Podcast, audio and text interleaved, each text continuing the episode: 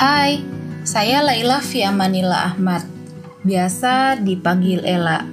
Saya bekerja di bagian administrasi salah satu sekolah di kota Makassar.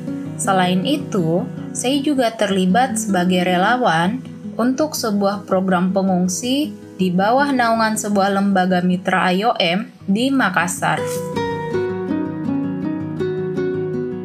Saya mulai mengenal pengungsi pada tahun 2016 saat itu, saya dikontrak untuk mengajar di kelas pengungsi anak tanpa pendamping. Siswa saya berusia di bawah 18 tahun yang datang ke Indonesia tanpa keluarga. Umumnya, mereka adalah anak laki-laki.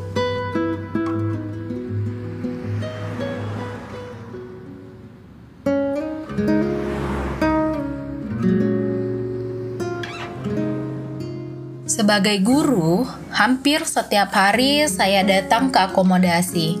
Target saya sebenarnya hanya mengajar, tetapi ternyata tidak semudah itu. Saya harus melakukan pendekatan secara personal dan mengenali apa masalah mereka. Proses tersebut berjalan selama satu tahun, sampai di antara mereka ada yang mau cerita, sekedar bicara, diskusi, atau berbagi masalah. Saya sempat diminta supaya tidak terlalu peduli pada apa pun perkataan mereka. Tetapi hasil interaksi kami berbeda. Sebagian anak sangat baik, ada juga yang butuh perhatian. Menurut saya, mereka hanya ingin diperlakukan sama seperti yang lain, tidak seperti orang yang menumpang. Pandangan saya terhadap mereka sedikit demi sedikit berubah.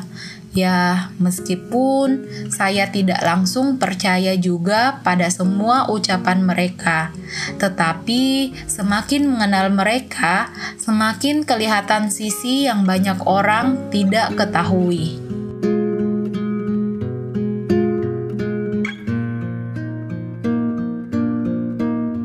Kebanyakan anak yang saya hadapi adalah anak yang datang sendirian, sehingga mereka mendapatkan pekerja sosial atau orang tua asuh selama tinggal di sini. Tetapi mungkin karena rentang usia yang tidak terlalu jauh, saya merasa mereka lebih hormat pada para pengajar dibanding pada pekerja sosial bahkan meskipun mereka tidak ikut dalam kelas saya. Pengalaman mengajar pengungsi sejujurnya adalah sebuah culture shock. Biasanya murid yang menunggu guru, namun ini sebaliknya. Awalnya mereka kurang peduli pada pendidikan, sehingga saya yang harus datang menemui mereka untuk mengikuti kelas. Saya juga sering kaget melihat mereka Misalnya, saat marah, mereka langsung mengatakan apa saja yang terlintas dalam pikiran dan cenderung bernada tinggi, bahkan sampai bertengkar di depan saya. Berbagai kejadian ini masih melekat dalam ingatan.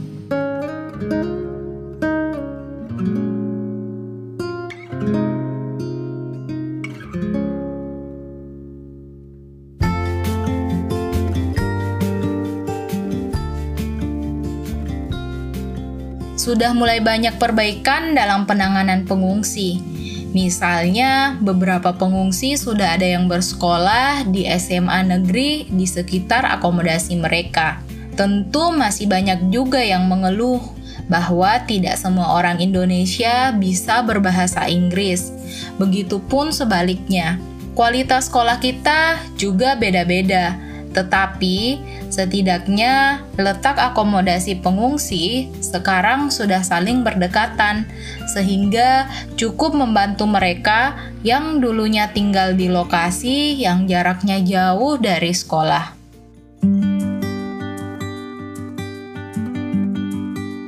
Beberapa pengungsi sempat cerita ke saya kalau temannya yang orang Indonesia menganggap hidup mereka di sini enak karena mendapat bantuan hidup. Kalau cerita tentang suatu masalah, temannya menganggap dia kurang bersyukur. Ada juga pertanyaan tentang kenapa pemerintah menerima pengungsi dan membiayai mereka. Masih banyak orang miskin di Indonesia. Kenapa harus fokus pada pengungsi? Padahal bantuan itu dari IOM, bukan pemerintah. Dan juga coba kita lihat dari sudut pandang mereka yang masih dibatasi. Usia produktif tetapi dipaksa tidak produktif.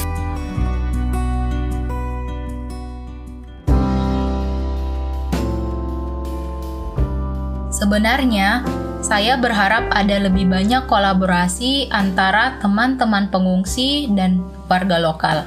Misalnya, alangkah baiknya jika para pengungsi bisa belajar bahasa Indonesia dari pengajar lokal. Kita bisa lebih kenal satu sama lain.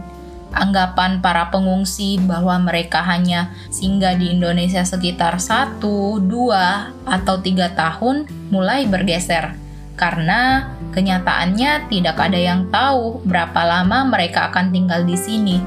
Juga dengan saling mengenal budaya masing-masing, kita dapat meminimalisir hal-hal yang merugikan. Saya juga berharap pemerintah Indonesia bisa lebih memberikan edukasi kepada masyarakat, khususnya warga yang tinggal di sekitar akomodasi pengungsi. Dan tentunya pengungsi sendiri perlu lebih banyak informasi tentang aturan yang ada di Indonesia. Sebab kadang ketika ada masalah dengan orang lokal, mereka bingung. Selain karena kendala bahasa, juga karena proses pelaporan yang kadang tidak jelas.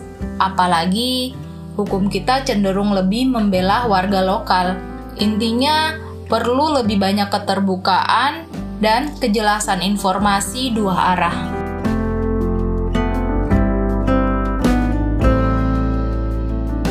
Episode ini didukung oleh Sasakawa Peace Foundation, Jepang.